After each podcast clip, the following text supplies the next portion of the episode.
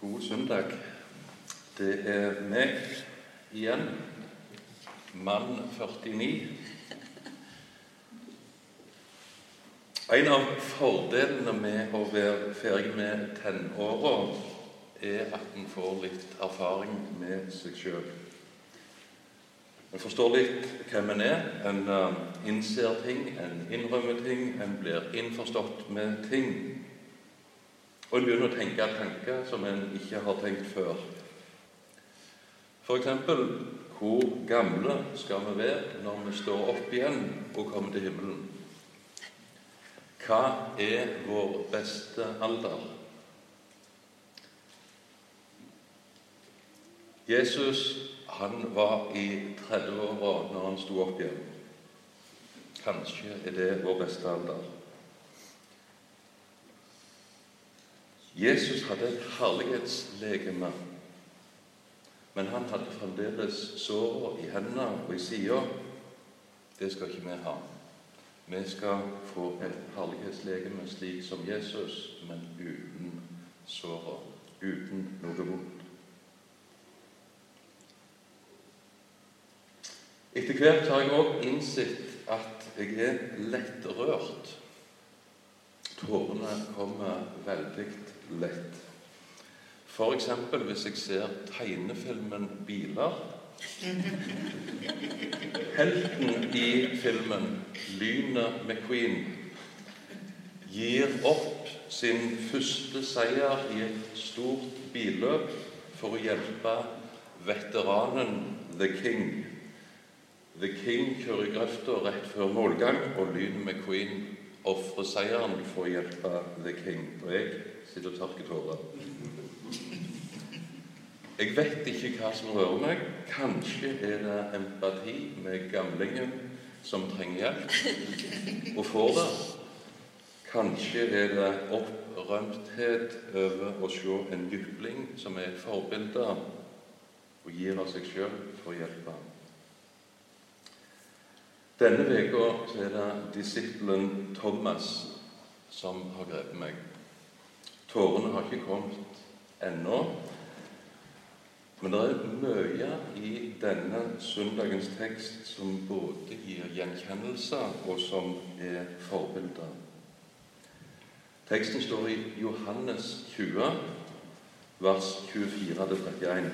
Johannes 20, vers 24-31. Vi leser Jesu navn. Men en av de tolv, Thomas, der tvilling, var ikke sammen med dem da Jesus kom. De andre disiplene sa da til ham, 'Vi har sett Herren.' Men han sa til dem, 'Dersom jeg ikke får se naglemerket i hendene hans og stikke fingeren min i naglegapet og legge hånden min i hans side, vil jeg ikke tro.' Åtte dager deretter var disiplene hans igjen inne, og Thomas var med dem. Da kom Jesus mens dørene var lukket. Han sto midt iblant dem og sa, 'Fred være med dere.' Deretter sier han til Thomas, 'Rekk fingeren din hit og se hendene mine.' 'Og rekk hånden din hit. Legg den i min side, og vær ikke vantro, men troende.' Thomas svarte og sa til ham, Min Herre og min Gud. Jesus sier til ham, Fordi du har sett meg, tror du. Salige er de som ikke ser og likevel tror. Også mange andre tegn gjorde Jesus for disiplenes øyne. Tegn som det ikke er skrevet om i denne boken. Men disse er skrevet for at dere skal tro at Jesus er Messias, Guds sønn, og for at dere ved troen skal ha liv i Hans navn. Kjære Jesus, vi ber om at du må være i lag med oss nå. Vær her med de hellige ånd. Åpne hjertene våre. La oss få noe av deg. Amen. Da jeg gikk på ungdomsskolen, så strevde jeg med å være en kristen. Jeg hadde lyst å være en kristen, men jeg fikk det ikke til. Mor og far gikk på bedehus og i kirka, Eh, men der var det ikke noe for meg. Det var verken jevnaldrende eller kristne venner eller opplegg som traff. Jeg var med mor og far av og til, men glei lenger og lenger vekk. Helt i starten på ungdomsskolen så husker jeg at det var en av de som jeg syns var blant de kule på skolen. Jani. Han lurte på om jeg var en kristen. Eller Ja, jeg, er du kristen? Så husker jeg ikke ordrett hva jeg svarte, men det var noe sånn som at jeg tror at Jesus har levd, men jeg vet ikke om det fins noen Gud. Det tror jeg Jani syns var et passe kult svar. Uh, han virka til å være ganske enig. På kveldene så ba jeg kveldsbønn. Jeg ba om at Gud måtte vise seg for meg på et eller annet vis. Et tegn på veggen, kanskje. Et eller annet som kunne vise meg at det fins en Gud. I dagene før jeg skulle begynne på videregående, så ba jeg noe sånt som Hvis du finnes Gud, kan du hjelpe meg å finne noen kristne å være med? Hvis du finnes Gud, kan du hjelpe meg å finne noen kristne å være med? Og så fikk jeg svar første dag på videregående. Og dette var en stor skole. Når vi ble russ noen år senere, så tror jeg vi var tre-fire-fem kristne av 150 russ. Men på denne store skolen, første dag, så kommer Atle fra Hummersåk og inviterer meg til å være med i hans eller bli med i helga sammen med hans gjeng. Og så, de neste ukene og åra, så på en måte adopterte Atle meg inn i hans venneflokk Atle var raus, Atle var vågelig. Han ante ingenting om meg når han inviterte første skoledag. Og Så ble denne gjengen på så min åndelige base. Og Hommersåk og Riske er på en måte min åndelige heim ennå. Uh, og så er nok det det tydeligste bønnesvaret i mitt liv, og det som kanskje har betydd mest enormt takknemlig både overfor Atle, som var raus og lydig, og overfor Gud, som viste seg på den måten for meg. Han viste at han fantes, og han ga meg venner å vokse i lag med. Gud sette meg i en sammenheng der jeg fikk møte ordet, der trua fikk vokse. Hvis jeg ikke hadde fått dette bønnesvaret, hvis jeg ikke hadde funnet en gjeng som hjalp meg nærmere Jesus, så tror jeg kanskje jeg hadde vært en eller annen form for agnostiker i dag. En som mener forskjellig, men som ikke tar stilling til noe. Omtrent som jeg svarte når Jani spurte på ungdomsskolen. En som tror at Jesus har levd som historisk person, men kanskje eller kanskje ikke var Gud. En som tror at det kanskje fins noe guddommelig, men det er ikke godt å vite. Thomas havna i en fryktelig skvis når Jesus døde. Thomas hadde satsa utdannelsen tre år som disippel eller lærling på en mann som blir dømt til døden som vranglærer og gudsbespotter. Dette var teologiprofessoren han hadde satsa på. Tre år det er hele videregående, eller bachelorgrad, i vår tid. Feilvalg. Bortkasta år. Valgte feil rabbi. Har satsa feil. Dette var ikke noe å bygge videre på. Hva skal jeg gjøre nå? Ser det ut som Thomas har trukket seg unna de andre, vært for seg sjøl. Kanskje han gjorde opp status, begynte å tenke på alternativ. Det er noe tungt og dystert ved Thomas. Tidligere i Johannes evangeliet står det om at Thomas nevnte om å gå bort og dø sammen med Jesus. Det ser ut som det er ei tåke, noe tungt og mørkt, over sjela til Thomas. At djevelen frista med tunge og tvilende tanker. Og da Jesus døde, så fikk den vonde tvilen virkelig tak i ham. Det som han foretrekker å gå sine egne veier med sine tunge tanker og sitt knuste hjerte.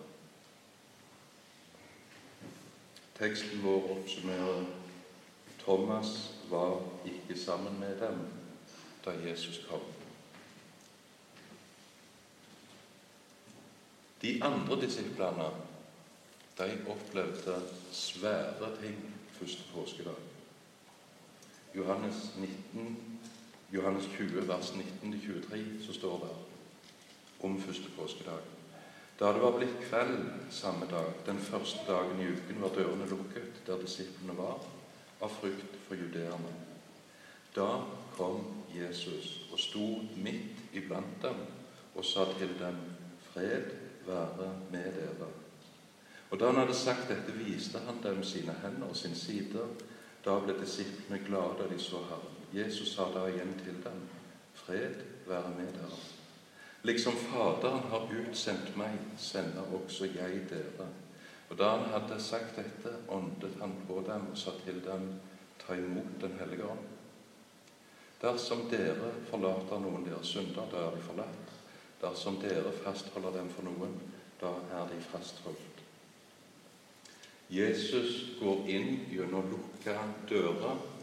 Frelseren har fått et nytt legeme som ikke lenger er begrensa av jordiske betingelser. Han viser hendene sine og sida si. Han møter disiplene. Jesus vet at det er vanskelig å tro at han har stått opp. Så bøyer han seg ned til disiplene. Han blåser liv i den lille gnisten de har av tro. Så blir trua en kraftig flamme hos disiplene av ei salig trosglede. Jesus ønsker de fred være med dere to ganger. Dette er ikke noen sånn vanlig hilsing dette er freden som han har kjøpt med sitt blod på korset. Fred være med dere. Fred ifra Gud. Evig liv, frelse. Ei gave som de skal forkynne og dele med hele verden. Men Thomas var ikke der. Og nå blir skvisen til Thomas dobbel. Ikke bare klarer han ikke å tro, men han klarer heller ikke å tro på vennene og hva de forteller. Vi snakker av og til om FOMO, fair of missing out. Det at vi hele tida sjekker mobilene våre for å sjekke at vi ikke går glipp av noe. Jeg tror vi alle har vært borti følelsen av å være ut forbi at noen andre har opplevd eller vært med på noe som vi ikke fikk være med på. Thomas må ha hatt tidenes opplevelse av å være ut forbi. Han var der ikke da Jesus viste at han hadde stått opp. Han var der ikke når Jesus beviste at han faktisk var Gud, at han vant over døden som har spørsmålet gnagt i Thomas. Var Jesus noe mer enn en lærd? Var han Gud?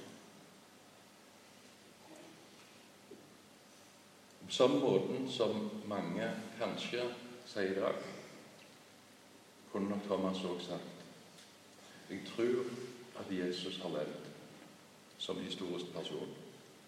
Det visste jo Thomas. Han har jo vært lag men jeg klarer ikke å tro at Jesus var Gud. Jeg klarer ikke å tro at Jesus sto opp for de døde og lever i dag. Og så starter vår tekst.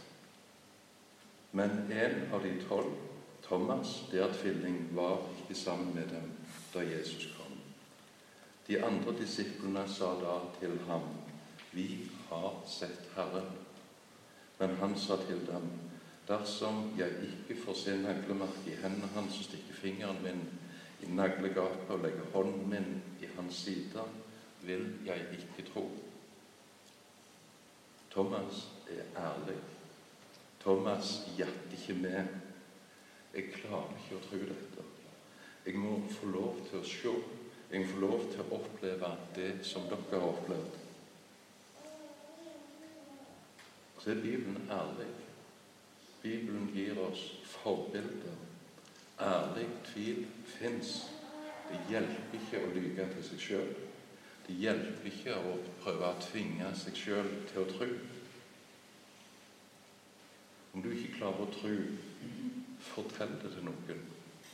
Iallfall til Jesus.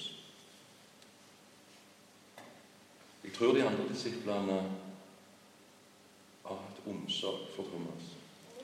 Dratt Thomas inn i gjengen igjen. Fortalt hva de har sett. Vitna for ham sjøl om Thomas sa at han ikke ville tro. Vært i lag med ham. I alle fall så står det at Thomas var der da Jesus kom tilbake ei uke seinere. Nå var han tilbake i flokken, sjøl om han ikke klarte å tro. Åtte dager deretter var disiplene hans igjen inne, og Thomas var med dem. Da kom Jesus mens dørene var lukket. Åtte er et uttrykk som betyr ei uke. Det ser ut som disiplene eller kan se ut som at disiplene allerede da hadde begynt å samles på søndager, på oppstandelsesdagen. Og så kom altså Jesus på nytt denne søndagen, ei uke etter første påskedag. Og Der går ei hel uke. Jesus lot Thomas gå i uvisse ei hel uke. Tenk den der følelsen når du venter på svar. Først håper du at svaret kommer hva sekund som helst. Så tenker du ja, ja, kanskje jeg får svar i morgen eller dagen etter det. Så begynner du å lure har jeg spurt rett. Skulle jeg spurt om igjen? Skulle jeg spurt på en annen måte? Thomas må ha lurt på om det fins noen Gud, og om at Jesus var Gud, og han klarte ikke å tro det.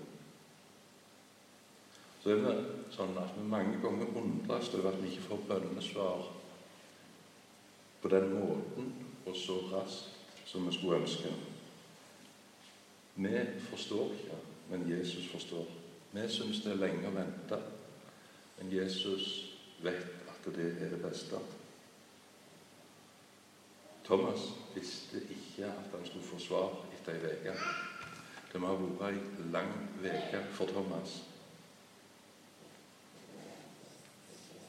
I sangen 'Der makt i de folde hender' så synger vi 'Der svar underveis engler kommer med ut, om det drøyer til, dog, til fram dog skal nå'. For det lovet jo løftenes trofaste Gud. Kall på meg, og du hjelpen skal få. Thomas kalte, og han fikk hjelp. Åtte dager deretter var disiplene hans igjen inne, og Thomas var med dem. Da kom Jesus mens dørene var lukket. Han sto midt iblant dem og sa, 'Fred være med dere'. Deretter sier han til Thomas, rekk fingeren din hit og se hendene mine, og rekk hånden din hit, legg den i min side, og vær ikke vantro, men troende. Thomas svarte og sa til ham, min Herre og min Gud. Jesus møter Thomas. Budskapet til alle disiplene er igjen fred være med dere. En fred fra Gud. Den freden som bare Jesus kan gi. Freden som er kjøpt ved hans død på korset. Fred være med dere. Og så viser Jesus seg for Thomas som den Jesus er. Jesus bruker tid på Thomas spesielt, og så viser han ham at 'jeg er Guds sønn, jeg er Frelseren', 'jeg har gitt mitt liv for Thomas'. Han viser såra. Jesus viser at han er. At han er, og at han har stått opp igjen. Og så skjer det noe i hjertet til Thomas. Han tror. Vitnesbyrdet kommer. Min Herre og min Gud. Og Så ligner vitnesbyrdet på vitnesbyrdet til Peter, som vi leser om i Matteus 16. Jesus sier til disiplene, 'Men dere, hvem sier dere at jeg er?' Da sa Simon Peter og sa, 'Du er Messias, den levende Guds sønn'. Vi tenker av og til at det hadde vært lettere å tro hvis vi levde på likt med Jesus, sånn som disiplene gjorde. Og Det er nok sant hvis vi har problemer med å tro at Jesus som person en gang levde i Nasaret som menneske. At personen, mennesket Jesus, har levd. Men for disiplene ser det ut som det var vanskelig å forstå at Jesus var Guds sønn. Jesus var jo som menneskelig, vanlig, en av de. Så møter Jesus disiplene på ulike måter. Og så kommer vitnesbyrdet Du er Messias, den levende Guds sønn. Min Herre og min Gud. De får se at Jesus er frelseren, at han er Messias, som det er profetert om. De får se at han er den som kan gi evig liv. Og så blir tvilen til takk og tilbedelse. Thomas går ifra å være en tviler til en som har et klart og tydelig vitnesbyrd. Etter å ha møtt Jesus som Guds sønn. Så sier tradisjonen, altså fortellingen ut forbi Bibelen, at Thomas ble misjonær. Han ble kirkefar og reiste østover til Persia, Iran og India. Thomas møtte Jesus på en veldig konkret måte. Jesus sår. Hva vitner sår om? De vitna om korset. Vitnesbyrd om korset var det som overbeviste Thomas. Såret vitna om korset, vitna om Jesus som offerlammet. Og så overbeviste vitnesbyrd om korset Thomas. Så tror jeg ikke det er kritikk av Thomas når Jesus sier Jesus sier til ham fordi du har sett meg, tror du, salig er de som ikke ser, men likevel tror.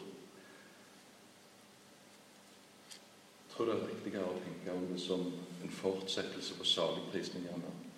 Om at en blir salig av å tro uten å se. Et vitnesbyrd fra Jesus om hvordan vi som kommer etter Thomas, vil møte Jesus gjennom det vi hører, og ikke det vi ser eller tar på. Såret forkynt for Thomas, vitnesbyrd om korsfestelsen og så er det dette Bibelen forkynner for oss òg. For at vi skal tro, for at vi skal bli frelst. Paulus skriver at galaterne har fått Jesus Kristus malt for øynene som korsfestet. Paulus fortsetter Korinterbrevet. Vi forkynner Kristus korsfestet. For jøder et anstøt, for hedninger en dårskap og enda mer i 1. Korinterbrev. For jeg vil ikke vite om noe blant dere uten Jesus Kristus og ham korsfestet. Jeg var hos dere i svakhet, under stor frykt og beven, og min tale og min forkynnelse var ikke med visdomsovertalende ord, men med ånds- og kraftsbevis for at deres tro ikke skal være grunnet på menneskelig visdom, men på Guds kraft. Evangeliet er en dårskap. Paulus var svak. Forkynnelsen var ikke visdomsovertalende ord. Men Paulus fikk lov til å legge fram Jesus som den korsfesta i sin forkynnelse. Gjennom ord, forkynnelse, vitnesbyrd, ordet om korset. Og så skjer det noe i hjertene til korinterne òg. De får tro, skapt av Gud. Teksten denne søndagen ble avslutta med et slags vitnesbyrd eller statement fra Johannes. Også mange andre tegn gjorde Jesus for disiplenes øyne. Tegn som det ikke er skrevet om i denne boken. Men disse er skrevet for at dere skal tro at Jesus er Messias, Guds sønn, og for at dere ved troen skal ha liv i Hans navn. Gud ønsker at vi skal ha trygghet, visshet, fred Og det vi trenger hjelp til av Gud, det er å tro at Jesus er Messias. At han virkelig er Guds sønn. At han virkelig har stått opp. Og når vi tror det, da har vi ved trua liv i hans navn.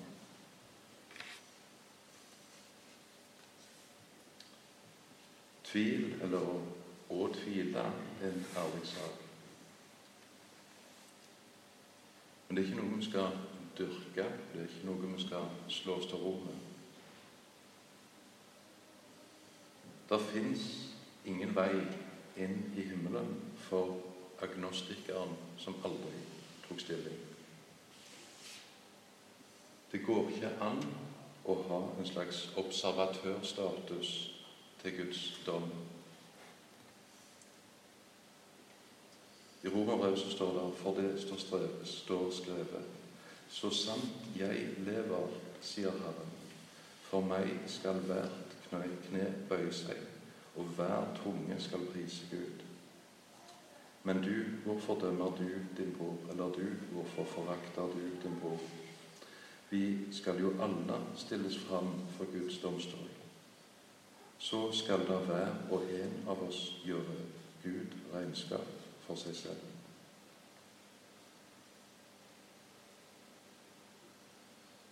Så ønsker Gud å gi alt han krever. Og Thomas, som tvilte, vil han gi alt nåde. Han møter oss sånn som vi er hver enkelt. Og så ønsker han å gi det han krever i dommen. Korset ga den soning Gud behøvde for å gi oss nåde i Jesus. I ham har vi forløsningen ved hans blod, syndenes forlatelse etter hans nådes rikdom. Tilbake til avslutninga til Johannes. Han skriver at han har skrevet for at dere skal tro at Jesus er Messias, Guds sønn, og for at dere ved troen skal ha liv i hans navn. Jesus ønsker at vi skal ha trygghet, fred, harmoni, glede, at vi skal ha frelsesvisshet. Johannes fortsetter om dette i 1. Johannes brev. For de er tre som vitner, ånden og vannet og blodet, disse tre samstemmer. Tar vi imot menneskers vitnesbyrd, så er, Guds, så er Guds vitnesbyrd større. For dette er Guds vitnesbyrd, at Han har vitnet om sin sønn. Den som tror på Guds sønn, har vitnesbyrdet i seg selv.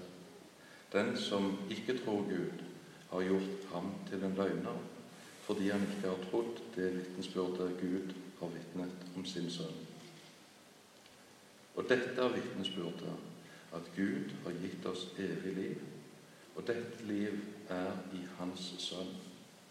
Den som har Sønnen, har livet. Den som ikke har Guds sønn, har ikke livet. Dette har jeg skrevet til dere for at dere skal vite at dere har evig liv, dere som tror på Guds sønns navn. Gud ønsker å gi deg evig liv. Og han ønsker at du skal ha visshet om at du har evig liv frelsesvisshet. At du skal vite, være trygg i at har et evig liv i vente. Hvis du ikke har det, be Gud om å få. Snakk med noen. Få hjelp. Å få svar på det er det viktigste du noen gang gjør. Fred være med deg. Guds fred, freden som ble bonden av Jesus på korset. Fred være med